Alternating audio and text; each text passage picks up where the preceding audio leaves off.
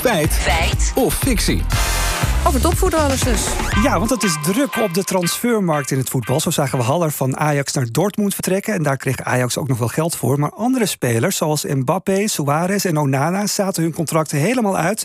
en konden dit jaar dus bijtekenen waar ze maar wilden. Nu.nl meldt vandaag dat dat steeds vaker voorkomt. Topvoetballers die transfervrij vertrekken naar een andere club. Het lijkt wel of de topvoetballers tegenwoordig gratis of goedkoop voor het oprapen liggen.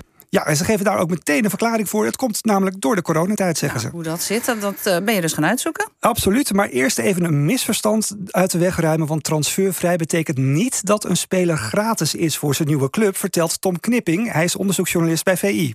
Weliswaar hoeft er geen transfersom betaald te worden. Maar zo'n speler wordt dan wel verleid met een enorm tekengeld. Zeker als het om betere spelers gaat. Ja, die hebben natuurlijk keuze uit meerdere clubs. Uh, dus die tekent dan vaak bij die club waar hij de hoogste tekenbonus krijgt.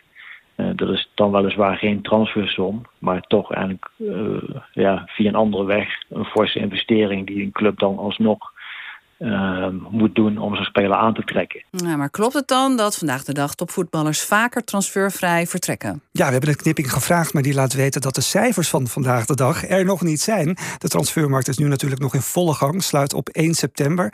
Maar de FIFA heeft wel gegevens vrijgegeven over de periode 2019 tot en met 2021. Toen heeft de transferhandel forse tikken gehad.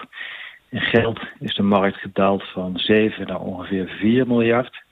En het aantal transfervrije spelers is toegenomen met 15% in die periode. En dat heeft volgens Knipping inderdaad alles met corona te maken. Clubs waren niet meer in staat om al die grote bedragen neer te tellen. Ja, maar ben je het je club ook niet een beetje verschuldigd om ze geld voor je te laten vangen? Want ze hebben toch uh, ja, ze hebben je opgeleid, veel geld in jouw ontwikkeling gestoken. Ja, dat, dat is misschien wel een beetje zo. We hebben het voorgelegd aan oud-voetballer en voetbalanalyticus Jan van, Jan van Halst.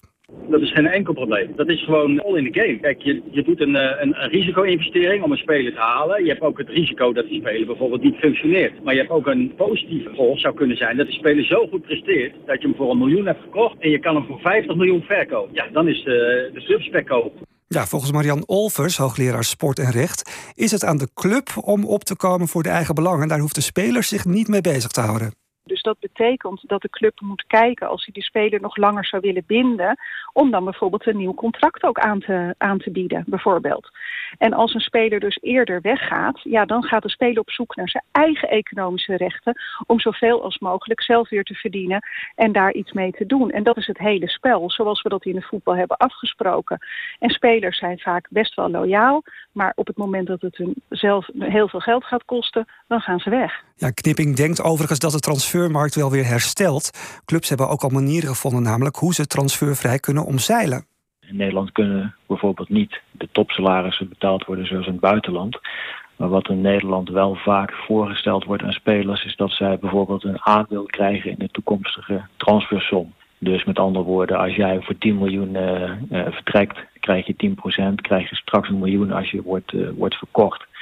En dat is een reden waarom je in Nederland relatief ja, weinig toptalenten transfervrij ziet vertrekken. Hmm, Oké, okay. uh, gaan we terug uh, naar de beginvraag. Is het dan feit of fictie dat spelers vaker, vandaag de dag, ja. transfervrij vertrekken? En dat komt inderdaad grotendeels door corona. Het klopt, clubs hebben minder geld om contracten open te breken of grote transfersommen neer te leggen. Dus het is een feit.